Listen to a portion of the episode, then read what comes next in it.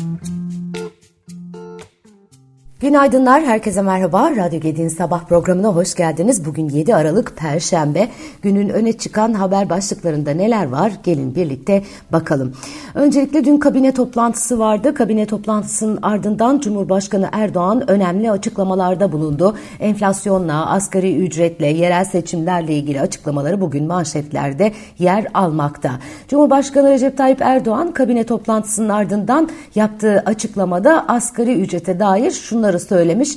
Yılbaşında çalışanlarımızın ücretlerinde hem genel ekonomik dengeyi sarsmayacak hem de onların kayıplarını telafi edecek bir artış yapılacak. Asgari ücret tespit komisyonu toplantılarına 11 Aralık'ta başlanıyor. İşçilerimizin onayını alacak, işverenlerimizi yormayacak ve istihdama zarar vermeyecek bir asgari ücret seviyesi hedefiyle bu süreç yönetilecek. Asgari ücrete yılda tek zam yapılmasını gerçekçi bulmadıklarını söyleyen Türk İş Başkanı Ergün Atalay ise enflasyonu durdursunlar, ete süte kiraya zam gelmesin, asgari ücreti konuşmanın da bir anlamı kalmaz o zaman demiş.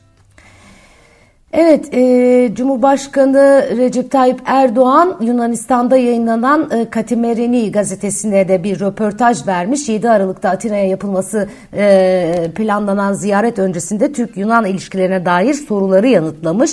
Erdoğan mülakatta Akdeniz'de enerji alanında işbirliği potansiyeli olduğunu söylüyor. Ege ve Doğu Akdeniz'de enerji rezervlerinin olup olmamasının kendisinin kişisel kanaatinden öte bilimsel araştırmalar sonucunda tespit edilen e, edilebilir edilebilen bir husus olduğuna işaret eden Erdoğan bu konuda umut verici çalışmalar yapıldığını kaydetmiş. Biz enerjinin tüm ülkeler ve toplumlar arasında işbirliği ve ortak kazanım unsuru olduğunu düşünüyoruz diyor. Uyuşmazlıkları diyalog yoluyla çözmek istiyoruz. İşbirliğini tercih ediyoruz ve buna hazırız. Ege'de de işbirliği yapabileceğimiz pek çok konu var diye konuşmuş.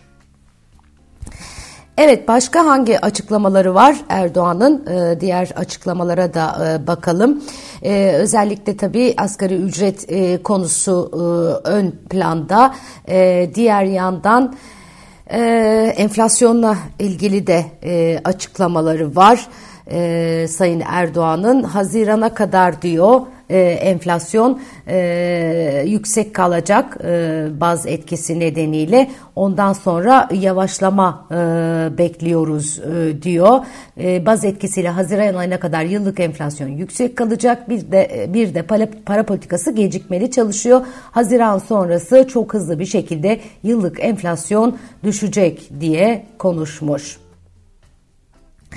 Evet Erdoğan e, yerel seçimlerle ilgili de e, konuşuyor. Çok hızlı bir şekilde e, bu seçimlere e, e, gireceklerini söylüyor e, ve e, diğer yandan da e, şöyle bir bakıyorum çok çok farklı kazanacağız e, diye konuşuyor. Aday belirleme süreciyle ilgili bizimkiler milli yerli vatansever olacak e, ve bayrağıyla ezanıyla yatıp kalkacak e, diye konuşmuş Sayın Erdoğan yerel seçimlerle de ilgili olarak dün kabine toplantısının ardından. Ee, Meclis Plan ve Bütçe Komisyonu Başkanı Mehmet Muş çalışan emeklilere bir defaya mahsus 5 bin lira ödenmesine yönelik düzenlemeden 4 milyon 688 bin 945 kişinin yararlanacağını bildirmiş. Çalışan emeklilere ödemelerin yapılması halinde bütçeye ilave maliyetin ise yaklaşık 23 milyar lira olması bekleniyor.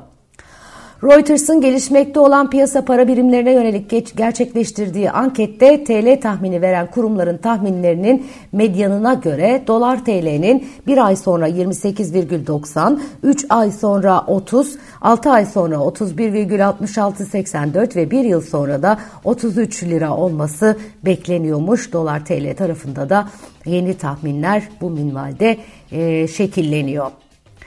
Ekonomik verilerin yoğun olduğu bir hafta bu hafta. Dün ADP Araştırma Enstitüsü'nün verileri açıklandı. Amerika'da ABD'de özel sektör istihdamı 103 bin kişi artarak beklentilerin altında kaldı. Yıllık ücret artışlarının ise %5,7 seviyesinde gerçekleştiği açıklandı. Şimdi gözler tarım dışı istihdam verisinde.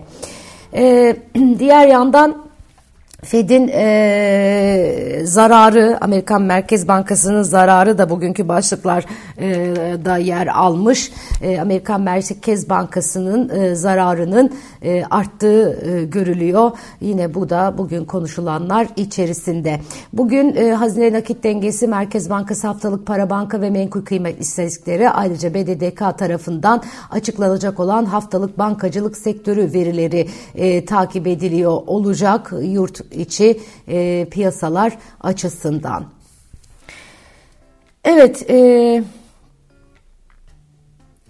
Memleket Partisi CHP ile işbirliğine yeşil ışık yakmış. İstanbul Büyükşehir Belediye Başkanı Ekrem İmamoğlu ve Memleket Partisi lideri Muharrem İnce geçtiğimiz hafta bir görüşme gerçekleştirdi deniyor. Gazeteci İsmail Saymaz'a konuşan e, Muharrem İnce ben muhalefetin elindeki kalelerin AK Parti'nin eline gitmesini istemem. Buna gönlüm razı olmaz. Bu bakımdan işbirliği önerisini açığım. Önümüzdeki haftada görüşeceğiz diye konuşmuş. Ee, Muharrem İnce e, birkaç hafta önce bütün muhalefete çağrı yapmıştı. Bunlardan birincisi sandık güvenliği ve işbirliği çağrısıydı. Bu çağrı CHP'de bir karşılık bulmuş. Ee, Saymaz diyor ki öğrendiğim kadarıyla geçen cuma İmamoğlu ile Muharrem İnce görüştüler. Bu görüşmede ittifak meselesi de ele alındı. İnce görüşmede İmamoğlu'na siz İstanbul'u 13 bin oy farkla almıştınız. Memleket Partisi e, Cumhurbaşkanı adayı seçime girmediği halde İstanbul'da 100 bin üzerinde oy aldı. Dolayısıyla bu oyda İstanbul'un kazanmasına etki edecektir demiş. Yani aynı e, yöntemleri deneyip farklı sonuç almak e, mümkün mü? Bence değil. Evet. Merkez Bankası Başkanı banka yöneticileriyle görüşmüş. Merkez Bankası Başkanı Hafize Gaye Erkan dün bankacılık sektörü yöneticileriyle bir araya geldi deniyor. Reuters'a bilgi veren iki bankacı toplantının Türkiye Bankalar Birliği üst yönetimiyle Türkiye Cumhuriyet Merkez Bankası arasında gerçekleştiğini söylemiş. Bankacılar toplantının içeriğine ilişkin bilgi vermemişler.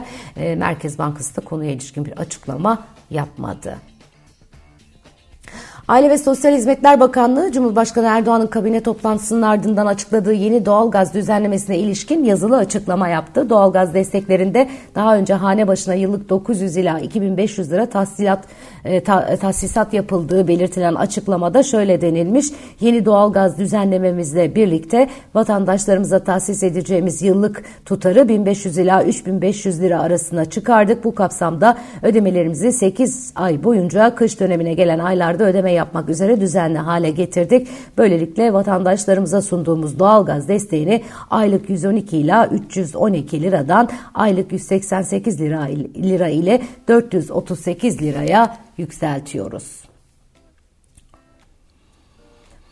Erdoğan ıı, kabine toplantısı sonrasında birçok konuya ilişkin açıklamalarda bulunmuş gerçekten. Bunlardan bir tanesi de kentsel dönüşüm konusu.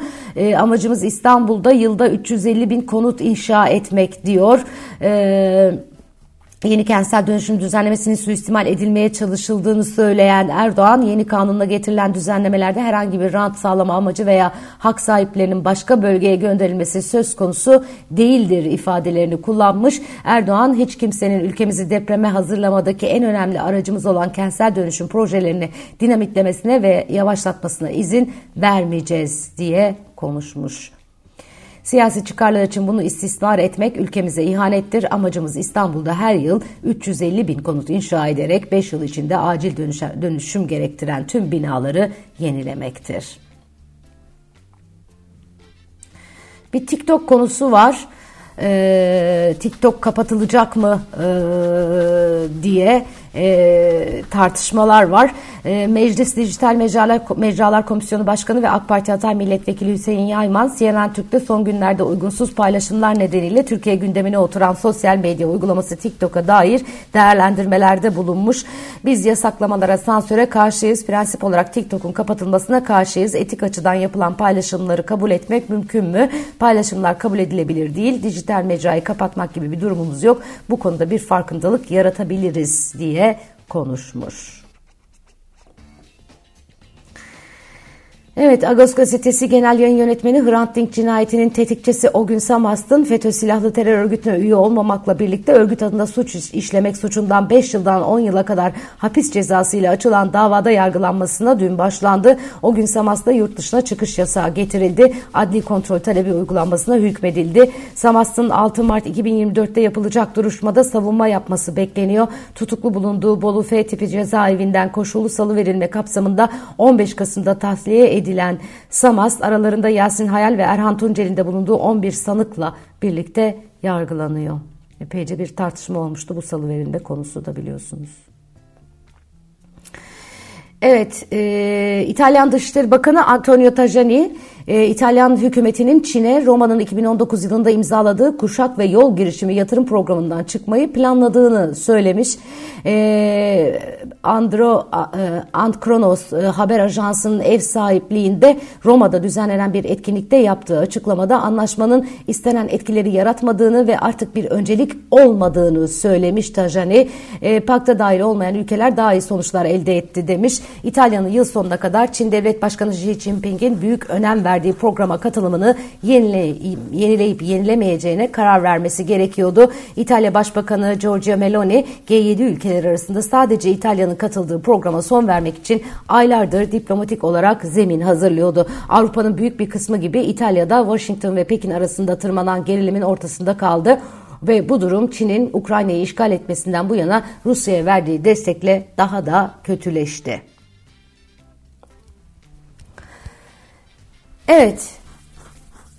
Bakıyorum başka bir şey var mı? Bir de son not Gazze e, tarafından e, sizlere aktarayım e, Amerika işgal altındaki Batı Şeria'da yaşanan şiddet olaylarıyla bağlantısı olan Yahudi yerleşimcilere vize yasağı getirip ülkeye sokmayacağını duyurmuş. Amerikan Dışişleri Bakanı Antony Blinken yaptığı açıklamada Batı Şeria'da barış, güvenlik ve istikrarı baltalayan kişilere hedef alan yeni bir vize kısıtlama politikası uygulanacağını bildirmiş. Diğer yandan İsrail ordusu insani aranın sona ermesiyle Gazze şeridine yeniden başlattığı saldırılara şiddetini artırarak devam ediyor. ediyor. İsrail Başbakanı Netanyahu dün akşam saatlerinde kabine oturumunun ardından düzenlenen basın toplantısında İsrail ordusunun Gazze şeridindeki işgalinde bölgenin en büyük ikinci şehri güneydeki Han Yunus ve merkez kuzeydeki e, Cibaliya'yı kuşattığını söyledi. Öte yandan İsrail Savunma Bakanlığı yaptığı yazılı açıklamada Amerika'dan İsrail ordusu için askeri teçhizat taşıyan 200. kargo uçağının